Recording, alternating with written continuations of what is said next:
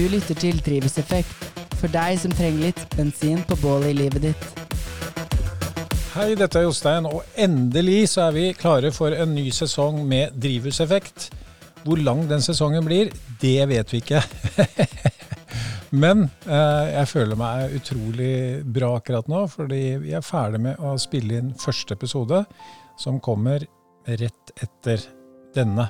Eh, at det skulle bli en så lang pause, det hadde egentlig ikke jeg trodd når jeg sa farvel til Thomas Hylland Eriksen her i jeg tror det var 24. mai i fjor. Så var jeg klar for neste. Jeg var i kontakt med Øyvind Hånes, som eh, sa ja til å komme. Og så ble det noe koronakluss og tull. Og så kom varmen. Så gikk tida. Og jeg ble på, på en måte eh, i løpet av sommeren og høsten blitt litt grepet av eh, manglende motivasjon. Nesten litt sånn apatisk. Eh, og liksom ikke hatt mot eller lyst til å sette i gang eh, en ny episode, og heller andre ting også. Og erfaringen er at jo lenger du venter, jo verre blir det. Man må på en måte tvinge seg ut da, av disse onde sirklene, eller disse onde kreftene. Og det, det er ikke bare å lage podkast, det kan jo være trening. Altså dørstokken er så høy at du ikke har mot til å hoppe over den. Eller det kan være sosial isolasjon, eller Det er bare å bryte seg ut av det, og bryte den barrieren. Akkurat som med trening. Føler meg aldri så bra som da jeg kommer hjem fra treningstur. Og jeg går og gruer meg til å gå ut. Og er ikke det rart? Du lytter på Drivhuseffekt, en podkast det absolutt er verdt å høre på.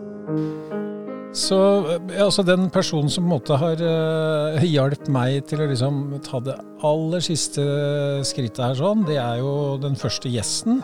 Og så var det Marte eh, som ringte meg og lurte på om vi skulle finne på noe sammen på Lier bibliotek. Og når hun kom med sin energi og sine ideer, så kjente jeg at eh, lysten begynte å tennes igjen.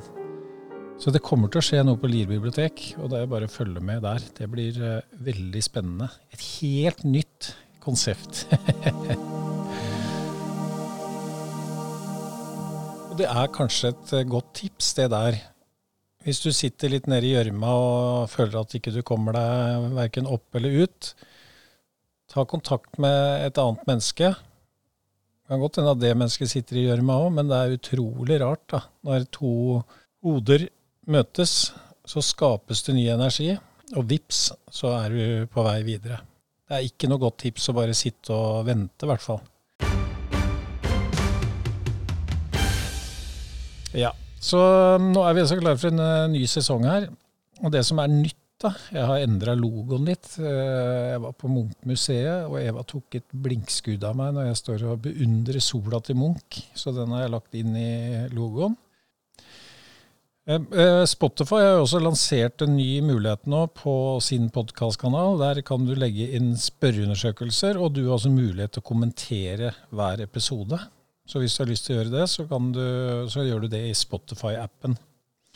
Og så er vi på drivhuseffekt.no, hvor du under gjester der så kan du jo gå inn og se bilder og litt sånn pekere på alle gjestene som har vært i drivhuset.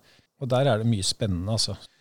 Det har vært fint å følge lyttertallene eh, på de første episodene. Det overraska meg liksom at det dumper inn eh, noen hver uke. Og det er det gjort gjennom hele tallet, og vi er nå over 3000 eh, streams. Og det er ikke et synkende tall. Og det tar jeg som et signal på at drivhuseffekt betyr noe for dere også, og ikke bare for meg. Jeg koser meg utrolig mye med disse innspillingene, og jeg lærer så mye av mine gjester. Og jeg håper at du gjør det samme. Jeg syns det slagordet, å ta seg tid til å lære av andre, er veldig bra. Drivhuseffekt, Effekt, podkast for deg som har tid til å lære av andre. Så la oss bare sette i gang, da.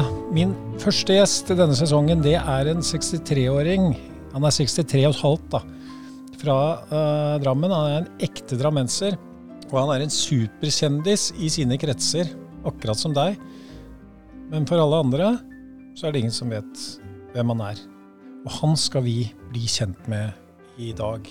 Vi kommer til å finne ut hva han ville gjort hvis han får 100 millioner kroner mellom hendene.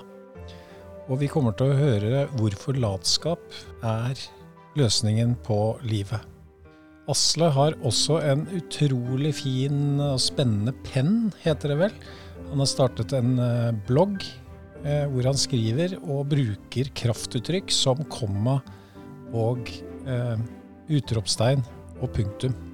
Og det vil du også høre når han snakker. Vi kommer også til å be Asle om noen råd til sine ufødte barnebarn. Dagens gjest har også blitt så lei av nyhetsbildet og lar seg provosere av det. Så han har slutta å se på Dagsrevyen. Sliter med å holde vekta nede, for han er så glad i potetgull og sjokolade. Og han har en bilpark hvor den eldste er fra 1931, og den nyeste er vel fra i fjor. Kos deg med vår samtale. Jeg håper du får noe ut av den.